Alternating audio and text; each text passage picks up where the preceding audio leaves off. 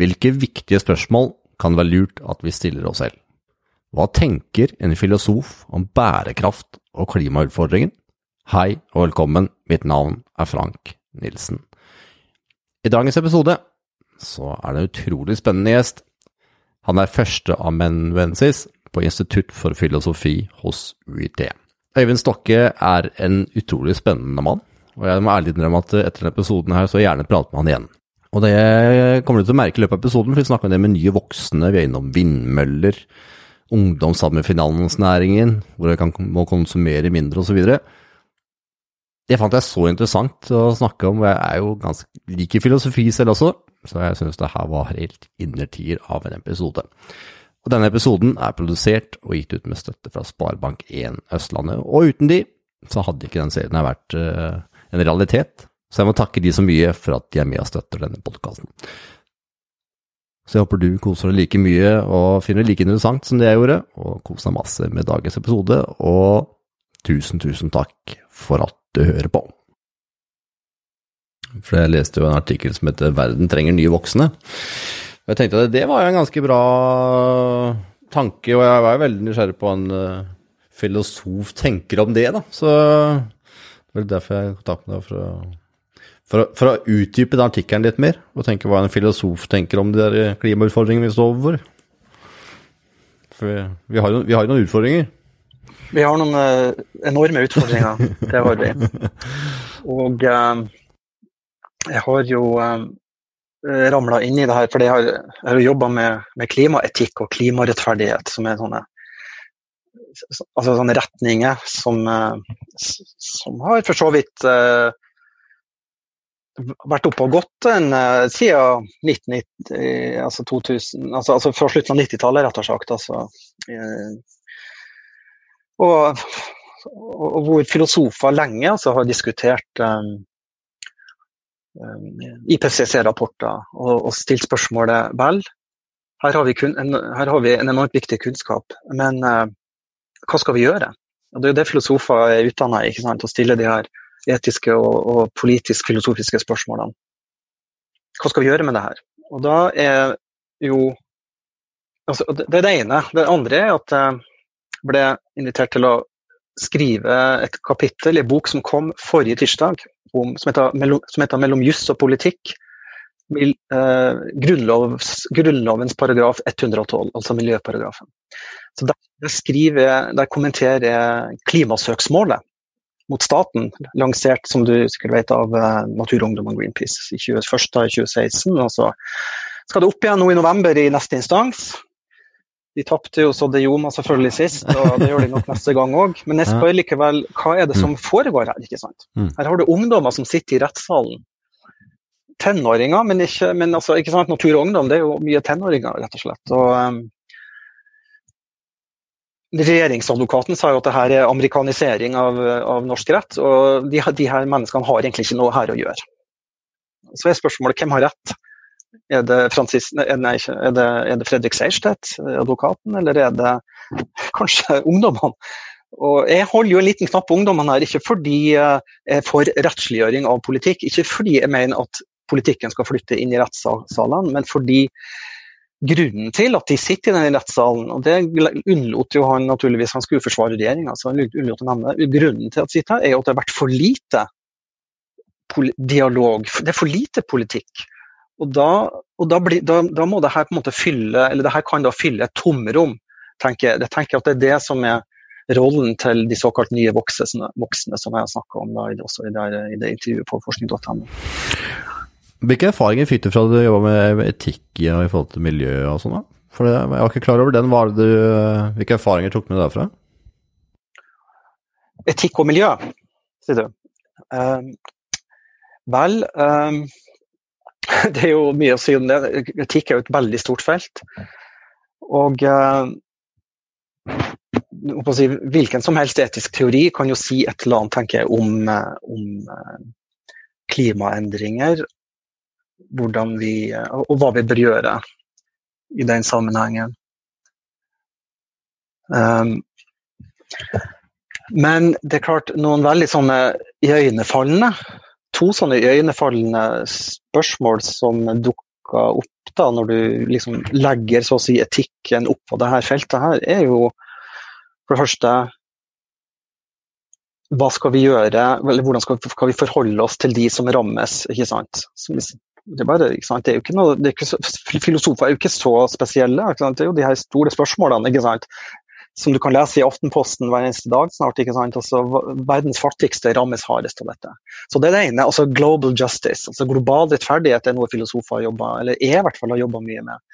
Og jeg tenker at Global rettferdighet har før vært eh, diskutert særlig i forhold til multinasjonale selskap og ulikheter som følge av et eh, globalt økonomisk kapitalistisk system osv. Men det er jo sånn at de her, dette med klimaendringer, som for så vidt også tror jeg også henger sammen med vår økonomi, da, det, det, legger seg bare opp på den igjen. Og det er jo, så det, det, det spørsmålet er, stilles kanskje med enda større kraft nå. da. Det er det ene. Det andre er spørsmålet om, om de som kommer etter oss, altså det såkalt eh, intergenerasjonell rettferdighet.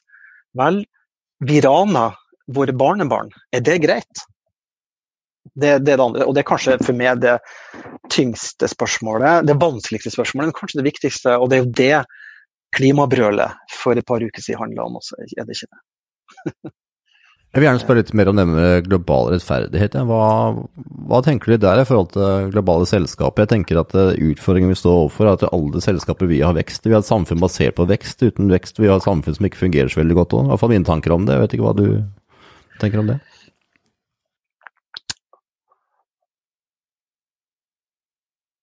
Jo, jeg, jeg, tenker jo, jeg tenker jo uh, i de baner som du allerede nevnte. Uh, jeg tenker at uh, Vekstproblematikken den tok jo allerede Rachel Carson, det, altså 70-tallsbevegelsen. Arne Næss er jo opptatt av det i sin uh, økologi, samfunn og livsstil fra 1974. Sant? Sånn det er jo ikke noe nytt, men den reiser igjen altså kanskje med, med, med, med Den reiser i hvert fall med ny tyngde. Og i en litt annen eh, kontekst uh, i 2019 enn i 1974 og 1968. Sant? Sånn ja, Hva er forskjellen på konteksten egentlig? For jeg var ikke klar over at Arnes gjorde det. Hva var forskjellen på konteksten?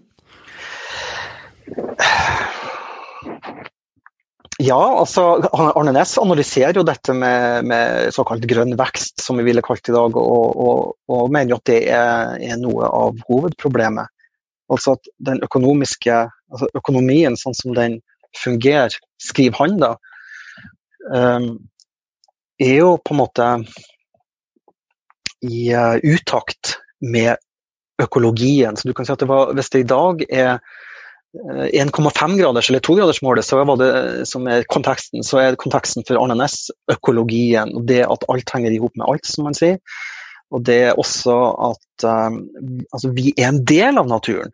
Men samtidig som, samtidig som vi da truer den Eh, og hans, Datidens eh, konflikter var jo vassdragsutbygginger, så han eh, ble jo henta av politiet i Mardøla-aksjonen. ikke sant? Båret av gårde. Ja, med, med professorlønna si. sant? For, for, all del. For all del. Jeg skal ikke bruke det mot han, men, men, han var, han, men det er en annen diskusjon. og men ikke helt, fordi jeg mener jo at uh, vi må ha to tanker, samtidig, to tanker i hodet samtidig i dag, i 2019. Og det er at Arne Næss og datidens budskap fra miljøbevegelsen har noe også å tilføre dagens klimadebatt uh, og vindmølledebatt, om du vil. Fordi det er to, og det sa jo den siste rapporten veldig tydelig fra IPCC som kom i desember, som du også sikkert kjenner til. Sant? At vel, klimaproblemet, altså global oppvarming, er et stort problem, men naturtap er et kanskje vel så stort problem. Og Derfor så er Arne Næss like viktig i dag. Fint du kom inn på det med vindmøller. For det, for det, det må jeg ærlig innrømme at uh, Fra mitt ståsted, da som uh, Jeg anser meg selv som den, uh, som den vanlige mannen i gata på Solstad som ikke kan så veldig mye om noe. og derfor jeg stiller spørsmålet her. Jeg anser, eh, sånn I forhold til vindmøller så tenker jeg at uh, det er mange utenlandske investorer som ønsker å investere nå på, på, norsk jord med vindmøller. Og Det er litt samme som man gjorde det Sam Eides tid, når han grunnla Hydro. Da var det jo franskmenn annet som investerte da i, i norske fossefall og i vann. for, for den gangen som han grunnla Hydro. Da var det jo utenlandske investorer her. Og nå står de tilbake igjen. Jeg tenker jeg at det er utenlandske investorer som også har lyst til å investere i Norge, for at nå ser de at nå energi er noe som trengs. Og så sier mange nordmenn det at ja, vi må jo bidra med energi, for vi kan ikke holde på med kullkraftverk borti Kina og alle andre energikilder. Det må vi stå til med å hjelpe til med vindmøller. Ja. Så tenker jeg vi er fem millioner mennesker, vi er et lite land, og hvorfor i svarte skal vi drive med vindmøller når veldig mange andre plasser passer veldig bedre, og sol andre plasser? Hvorfor kan vi ikke heller bruke det der som er mer, mer nyttig å bruke det, og mer fornuftig? Mens Norge som egentlig er et naturland som har et landskap som er veldig unikt, og ikke er så veldig mange andre av. Godt spørsmål. Um, og det er klart at uh, det her med EU EUs ikke sant, um, kvotesystem og det at vi på en eller annen måte at det, at, at det, på en eller annen måte foregår en samordning, eller et forsøk på en samordning fra myndighetene, ikke sant, sin side. Myndigheter er nå oss, da. Unnskyld? Myndigheter er nå oss, da. ja, eller, ja, mellom Norge, helt klart. Det er, våre, det er vi som velger politikere. Ja. Som, som, eh, men at den, at den samordninga er jo den er jo eh, som sagt et mål for mange. Um, men er mitt grunnleggende spørsmål altså For å ta, ta de her tyske pensjonsfondene, altså Kvaløya og Kvitfjell ut noen fem-seks mil herfra jeg sitter nå, er jo Norges nest største vindpark. Um, med, og har blitt bygd uten nevneverdige konflikter. Det er jo en same der som som er litt usikker på han, altså han som er på Sør-Kvaløya der, nå snakker jeg litt, beklager digresjonen, men han er, var mot, mens han som er på Nord-Kvaløya, han syntes det var greit, for det var ikke hans rein. Altså, det, det, er mye rart ikke sant, når du kommer inn i det lokale her. Men, men det er klart at det tyske pensjonsfondet, jeg spør meg følgende og Det kan hende at, at Kvitfjell Rødskjell rent biodiversitetsmessig ikke er det verste. Jeg har ikke gått inn og sett i papirene og på utredningene der. Men jeg legger merke til at Andøya, Andmyrene, nå er også pekt ut som det neste området i de her regionene vi er nå. Og, er, og da steila jo jeg fordi vi snakka om den rapporten ikke sant, nettopp fra, fra, desember. Hva er det den sier? Jo, den sier at nettopp myr, altså våtmarker, er kanskje det aller, aller den aller, aller viktigste naturtypen vi har igjen. For, fordi det er et gigantisk, det er gigantiske karbonlagre, og fordi det er en enorm biodiversitet ikke sant, og fugleliv og sånn. Så da reagerte jeg ganske sterkt uh, inni meg når jeg leste det. Vi får se hvordan det går. Men jeg spør meg Ja, jeg, synes det, jeg er enig med de som mente det er viktig å bekjempe Altså få ned kullkraft, kullkraften i energimiksen i la oss si Tyskland.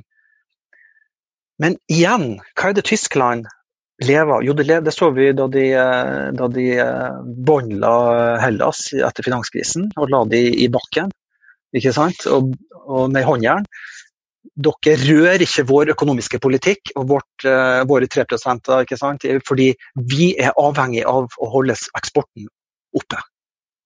Hva er det den eksporten handler om? Vel, det handler om en kapitalistisk samfunnsform der Tyskland er verdensmestere. Men vi er en del av den, da. som vi, ja, som vi er en del av, og, derfor, og jeg snakka som eh, innenfra der. En samfunnsform som lever av konsum. Så Tyskland vil at verden skal konsumere deres varer. Sant? Men det er den økonomien som vi var inne på til å begynne med, det er den som ikke går lenger. Så vel, vi kan, ok, vi må, vi, Norge bør kanskje være med, med, med, hvis vi får på plass noen kabler, og bidra til en viss grad i å få ned kulldelen av energimiksen i Tyskland. Fordi global oppvarming rammer jo alle, sånn at vi har jo også egeninteresse av det. Men jeg syns ikke vi uten videre skal la være å stille betingelser. Vel, hva skal dere bruke denne energien til? Skal dere fortsette med å drive denne konsumkapitalismen, og dermed hele verden utafor stupet? Nei, da kan dere ta med vindmølleturbinene eh, deres tilbake til rorområdet. Kom ikke, til, eh, kom ikke å kjøpe opp norske, de norske våtmarkene. Eh, eller Femundsmarka, som er det verste tror jeg, av, alt jeg har sett. Eller ikke Femundsmarka, men vest for Femunden er også en del av NVE-planen. Villmarksområder vest for Femund.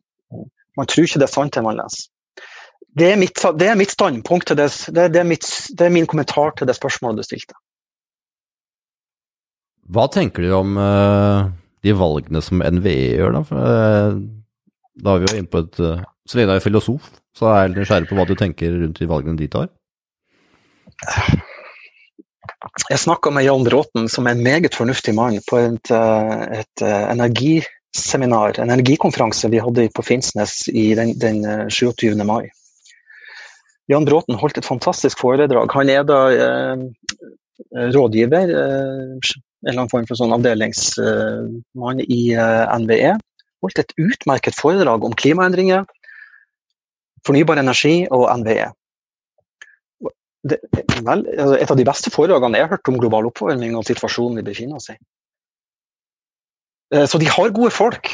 Eh, og Jan Bråten vil jeg gjerne snakke mer med. men og han sa jo at Og jeg stilte spørsmålet om Jeg kom inn på vindmøller i, i, med en gang i spørsmålsrunden, og han eh, sa, kom, mente jo det at på mange måter så har vi nok allerede nådd en slags metthet. Altså behovet er på en måte allerede metta. Og han ser ikke for seg at det vil være behov for veldig stor utbygging framover fra nå av, sa han. Og, undrer, så undrer jeg meg litt over ja, ikke sant. Det, det, er interessant, og jeg lar på en måte det stå for deres regning. Så hvis det er, er politikken For det jeg jo å se på sosiale medier, det er jo og det er allerede meldt meg ut av en del uh, ting der. For jeg har vært inne for å for liksom se hva som kommer fra motstanden. Og jeg ser jo at det også blir en sånn form for ensidig Altså det blir en slags spamming med, med katastrofehistorier om NVE og vindkraft. Og det stemmer ikke helt med bildet Jan Bråten tegna. Og da merka jeg at jeg, Og jeg, jobber, jeg, prøver å jobbe med det her på, en, på, et saklig grunnlag, så jeg, går så, så slett med, meldte meg ut av en del sånne ting altså, på nettet. Fordi eh, man må Det er informasjonen her, ikke sant. Det, det, det er et veldig trøkk. Og det gjelder å holde, holde, hodet kaldt. Altså, altså den polariseringa, polariseringa, polariseringen selger jo. Det er derfor man ja. klikker på det. Ja, ikke sant. Det er akkurat det det gjør. Det, det gjør det.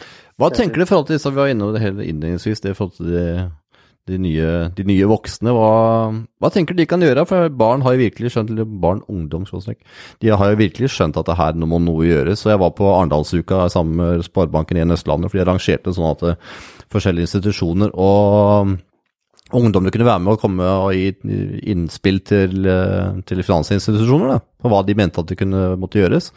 Og jeg hører at de som var ledere av ungdomsorganisasjoner, virkelig har satt uh, fingeren på ting og er på riktig sti også, men jeg ser at det er en sånn vi, Det er en liten avstand der. Og det, var, det ble sagt i det innspillet så sier han ene fra Turlo fra DNB, så sier han at ja, kanskje det fra Natur og Ungdom skulle vært med inn i finanskomiteer osv. Og, og så sier han at nei, det skal i hvert fall ikke. Og jeg tenker at det er kanskje det man trenger. Man trenger at finans og, og naturen og ungdommen i dag går litt sammen og får et samspill. For vi har et samfunn basert på vekst, så er vi jo ja, Så må jo de som investerer pengene også spille på lag, da. Det er, poeng. Det er et, et, veldig godt spørsmål. Det var, det var, et, det var, en veldig god idé å, å, hvis de har tid da, ikke sant, i Finansrådet der, og, invitere dem en dag, de her ungdommene, og, og se om det gikk an å få en dialog. For det, det, det er det vi skal snakke om på internasjonalt seminar som jeg nevnte på, på torsdag. her. Og, altså, dialog. Og det, og det, her var jo et interessant eksempel. Jeg tror jeg skal ta med meg den der historien din der. Det var, det var veldig interessant. Ja, det var nemlig Sparebanken 1 Østlandet og Karoline mm. Bakka Hjerte som er eh, bærekraftsjef i den banken. Og hun er mm. virkelig driftig når det gjelder med bærekraft. Og inviterte ja. ungdommene for å komme med innspill i finansnæringen. Og jeg tenker, vet du hva, det er det, det, vi trenger det, altså. For det er jo de som faktisk investerer pengene som bestemmer hvor vi skal gå. Ja, det er faktisk eh, et godt poeng. Det er faktisk et godt poeng. Og um, sånn at um, En ting er, er politikerne på Stortinget, mm. men det er klart det er dette med finansnæringa. Ja. Og, jeg tror ikke vi tenker på det, ja. hvor mye egentlig makt de har. Nei, ikke sant. Eller det er noen, noen av de som tenker på det, men i denne diskusjonen så kan det hende at det, sant, det blir mye Nå har det, nå har det vært valg igjen, at det blir de her valgkanalene. Men, men hva med den økonomiske kanalen? Hva med, hva med finansnæringen? Som du sier, som, som, faktisk står for mye av investeringene. Da må jeg spørre deg om en ting, Øyvind, når jeg først har eh, ja. muligheten. Ja. Under valget så så man at det var veldig mye fokus på det med bompenger. Ja. Og fra hva jeg tenker, iallfall fra mitt ståsted, så tenker jeg at det som er eh, utgiftene i forhold til bompenger, det er ganske lite i forhold til alle andre utgifter jeg har. De utgjør den største forskjellen i forhold til med bom, bompengene. Ja. Men så tenker jeg, fokuset i mye av valgkampdebatten, det var jo det på selve bompenger. Ja. Og så tenker jeg, det var vel ganske mange andre faktorer som ville hatt mer innvirkning i lommeboken enn det bompengene har, som kanskje hadde vært viktigere. Men det var, var det vi kanskje ble mest opptatt av, da. Det var selve bompengene som kanskje ikke utgjør den store delen. Og det blir litt samme med den klimadebatten vi har nå. Vi henger oss opp i noen småting, bare. Men det er kanskje ikke de store tinga vi får med oss. Har du tanker om det, eller? Ja, jeg tenker at absolutt. eh, Det, det har vi nok alle. ikke sant? Og jeg er nok enig med de som, eh, som mente at det var synd at denne valgkampen ble en, en bompengevalgkamp. Det var ikke bare regjeringspartiene som vel ble lei av det? Eh, men, eh, men eh, opinionen òg. At her, her brenner Amazonas, ikke sant. Ja. Og, ja, Bokstavelig talt. sette- Ja, bokstavelig talt. Sett det på spissen. Og så, og så er det hvorvidt vi skal betale ikke sant, eh, 60 kroner, eller hva vi skal betale i bomringen. I det store bildet så mener jeg at det er, en, det er tragisk, med tanke på den politiske kanalen. Altså, at, det, at det blir sånn.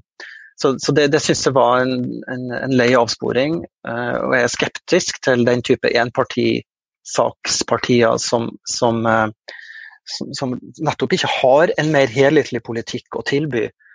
Uh, når det kommer til stykket, han her eh, Bergens Ja. Bergensmannen, ikke sant? Han, jeg, sto, jeg så jo han sto vel, var det Arendalsuka ennå i august? Han, sto, han ble fikk spørsmål ja, hva mener du om, eh, om eh, fritt brukervalg. Ja, det vet jeg ikke hva det er for noe. Altså, sant? Han visste ikke engang hva det var. han NRK spurte om. OK, det, det er ikke hans sak å fronte det, han er der inne for, for noe annet, men, men, men, det, men eh, la gå. Eh, jeg tenker at, at eh, bompenger er en, eh, et virkemiddel som eh, jeg mener de store byene bør gjøre bruk av. Jeg mener at det er helt galt av eh, Lan-Marie Berg å, å, å eh, rope ut at vi elsker bompenger. Fordi det samtidig er å tråkke på de som faktisk eh, er For det er noen av de som er ramma av den økende økonomiske ulikheten i Norge. Og Derfor så kunne jeg ikke stemme på det partiet, Ture. fordi jeg vet med meg sjøl at jeg, for meg så er økonomisk ulikhet også et, et, et så stort samfunnsproblem at et parti er nødt å tenke på det samtidig. Altså, jeg tenker at det er samme sak. Vi må både gjøre noe med miljøet, og vi må både gjøre noe Vi må redusere utslippene og vi må redusere de økonomiske ulikhetene. Og Derfor så var det ufint av Berg å gjøre det. Ellers en, god, en, en flott politiker. Jeg har stor respekt for henne, og den debatten der har, jo, har vi jo fulgt nå i siste. og Det er ikke ute etter henne heller, men, men det var Så der er jeg, da. Jeg mener at det er et bra, bra virkemiddel, men vi skal eh, ha et, et, et, ta et solid hensyn og se, følge med på de økonomiske forskjellene. Hvordan det her rammer rammer og, og, da, og da an- de som er nederst på den økonomiske stigen her. og mener, Derfor så mener jeg at det primære virkemidlet vi må bruke, er eh, omfordelende skattepolitikk når det gjelder miljøspørsmål, og ikke denne type eh, Skjønner du? Eh, Ja. Ja, for, Jeg mener at det er det viktigste. ja, for det var det jeg ville litt fram til. var at For de som er vanskelig vanskeligst stilt, og som bompengene virkelig rammer, da tenker jeg at det er ikke bompengene i seg selv som er utfordringa her. Det er alle andre tinga som er den andre, det andre lasset. det, er, Ja. det er på en måte boutgifter, og det er mat, og det er alle andre elementer da, som er en mye større pott enn det bompengene er. Ja, stakkars folk bor seg i hjel, ikke sant. Har en, ikke sant? Ta boligpolitikken før dere tar eh, bompengene. sant? Men Det, det, det er ikke Jensen villig til. Naturligvis ikke. Hun sitter jo der og så, eh, Det er ganske, sånn det er ganske Det- interessant da, når jeg tenker at når man, eh, når man ser hvordan samfunnet i dag er, og hvordan politikken er og alt det rundt her, så tenker man hvordan skal man løse klimakrisa som, som, som inntil videre, da. Det, det er jo ikke så ille her i Norge ennå, fall. At vi kjenner det veldig godt. Vi har litt stormer, og vi ser at det blir litt utfordringer i forhold til at det kan være litt ras og litt eh, ullent vær. Men det er jo ikke noe ekstra galt ennå. Og da blir det ikke til at nei, jeg har ikke lyst til å betale noe ekstra skatt for at du skal ordne det der borte. Ja, det tror jeg er et godt poeng. Det, det er først når huset ditt eh, ikke sant? Når grunnmuren begynner å sopes vekk, at du, at du, da skjønner du det. Og da er det gjerne for sent. Så det er det som Kåre Willoch sier så bra, ikke sant? at eh, Vel, eh, vi, vi betaler forsikringa for huset vårt. så vi, vi, vi vil, det, vil, det, vil, være en katastrofe hvis vi mister alt vi eier, ikke sant? Også økonomisk. Så, så vi, har en husforsikring. Men fordi vi, vi, klarer ikke å tenke, vi klarer ikke å overføre det her på det er for stort? På, eh, ja, det blir for stort. Mm. og Derfor så vil vi ikke være med å betale den forsikringa. Men det, logikken burde være den samme, sier Willoch der. og Det er faktisk jeg tror han har et veldig godt poeng. Og Det så jo på Amazonas òg, når det brant nå, så var det veldig mange som ropte ut at det når eh, det brant, den kirka brant i Notre-Dame brant, så fikk det mye mer oppmerksomhet enn det Amazonas gjorde i starten, og det, det har jo noe med det òg. Ja, stemmer. Ikke sant. Der har du også et, eh, et, eh, et bilde på det. Men jeg satt og tenkte på Du, begynte, du, gikk, du, du vendte tilbake til ungdommene, var det ikke det? Altså, vi spurte litt, spora litt av det. og hva, det, Der har jeg jo Altså, hva kan de Ja, du var inne på dette med finansnæringa og sånn. og hva kan Hvordan skal vi forstå det her nærmere, og hva kan de gjøre? Var det ikke noe sånt du, du ville i den retninga?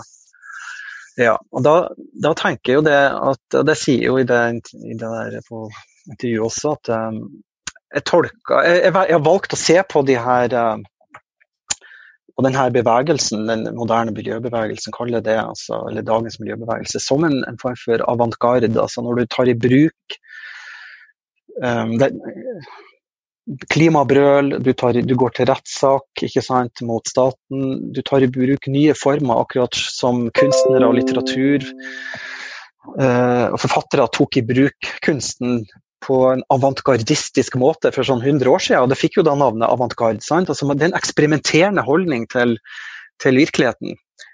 Um, og samtidig som man da opponerte i, i avantgarden, i kunsten da, mot tradisjonelle kunstformer osv. Så, så er det noe av det samme i dag. Vi trenger kanskje en avantgarde som opponerer mot og tar i bruk eksperimentelle metoder for å røske taket i oss. Få oss ut av denne tilstivna, tradisjonelle politiske formen, som, som så ser ut til å ikke klare å løse dette problemet. Så jeg tenker at de har en utrolig viktig rolle i så måte. Og jeg håper at de vil finne på stadig nye ting, og, med, og, og at de tar i bruk kunst sjøl. At, at, de snakker med kunstnere, snakker med urfolk. Snakker med personer med, og mennesker og kulturer med andre måter å tenke på og, og se på det politiske på. Det, det, tenker, jeg viktig, det tenker jeg er viktig. Eh, men det er klart, jeg stiller, også, jeg stiller også et spørsmål til de her håpefulle. Det har, det har jeg tenkt å stille på torsdag. Eh, for det, dette med konsum De har jo veldig flotte telefoner der de filmer og tar selfier fra de her eh, fra de her uh, Fridays for Future-møtene sine osv. Altså, er de sjøl villige som generasjon? Jeg tror mange ville svart ja, og, og oppriktig kunne stå for det.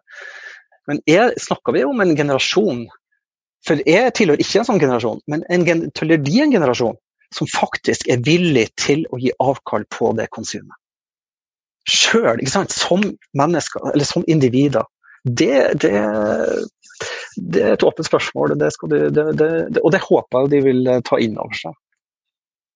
Eh, ikke sant. Jeg syns du stiller veldig godt uh, avsluttende spørsmål på den samtalen her, Øyvind. Jeg må innrømme at jeg har lyst til å prate med deg videre på en annen tidspunkt, for du har veldig mye bra å komme med. Og det, det med konsum er nok absolutt et spørsmål jeg vil stille videre på og følge opp seinere. For det, det, er noe med når man har det veldig behagelig, så kan man gjerne si at man har lyst til å gi avkall på det eller det. Men så er det øyeblikket av, ubehaget virkelig kommer, så vil vi gjerne ha det tilbake behagelig igjen. så jeg er, ehm, jeg er, veldig nysgjerrig på samme som du hadde. Det med konsum er faktisk noe jeg har begynt å, iallfall selv, da, begynt å tenke veldig mye på. Så jeg har to små barn, og ja. veldig mye av det de har fått av faktisk både leker og tøy, har faktisk vært kjøpt brukt eller bytta. Uh, og det er faktisk for å ene seg er det økonomisk smart å gjøre det. Og nummer to er for at det begynner å bli mer og mer uh, Mange begynner å skjønne at det her er veien å gå. Så man har begynt å bytte mer, og man er mer Hva skal jeg si Man får jo nesten ubrukt tøy og nesten ubrukte leker. Og går man noen år tilbake, så ville det vært nesten utenkelig at noen skulle gå rundt i brukt tøy og brukte leker, for det ville blitt sett ned på. Så det, det er en holdningsendring som er i ferd med å skje òg, da. Det tror jeg det er. Og uh det er, det er, en fantastisk ting. Eh, det er klart at eh, vi er fem millioner, som du var inne på. Og uh, hva med Kina vil vi, og, og hva med India osv. ja. Vil de kunne hoppe Ja, men det er jo et interessant spørsmål. Kan, kan vi se for oss at de hopper over den der dødbringende, kapitalistiske, naturødeleggende fasen vi har vært igjennom? Klarer de å hoppe, kanskje via teknologi osv.? Ikke sant? Virker ikke de litt framoverlent, da? Jeg har ikke, skal være helt ærlig, så har jeg ikke sett meg så veldig mye i Kina, men sånn som jeg har hørt på intervjuer med Elon Musk, tror jeg der. Så det virker som at de er ganske framoverlente når det gjelder mm. teknologi og skal være fornybare osv. Det virker som at de Absolutt. har dyktige mennesker ansatte i de riktige stillinger som har uh, veldig høye stillinger. Hva jeg mener. At de er professorer noe annet innenfor det segmentet som de skal være i. da. Så jeg, jeg, håper jo, og krysser eh, fingrene om at de hopper over det elementet. For hvis at uh, så mange mennesker skal begynne nå med samme konsum som vi har hatt de siste 20 årene, så, så blir det fullt.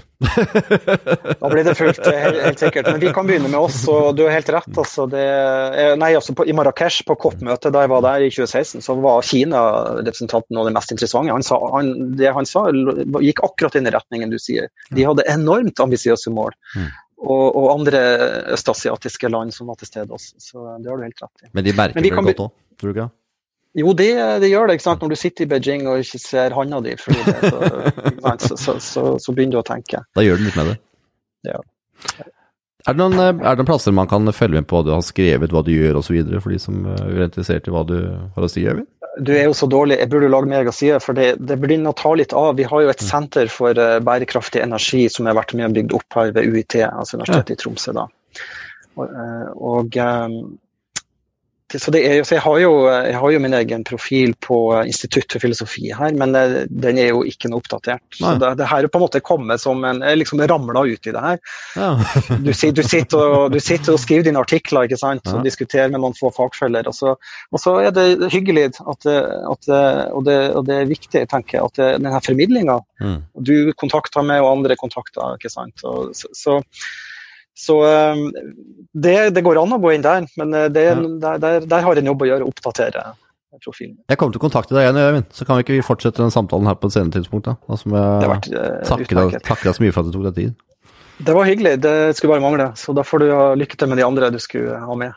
Tusen takk for det, Øyvind. Ha det bra. Ha det.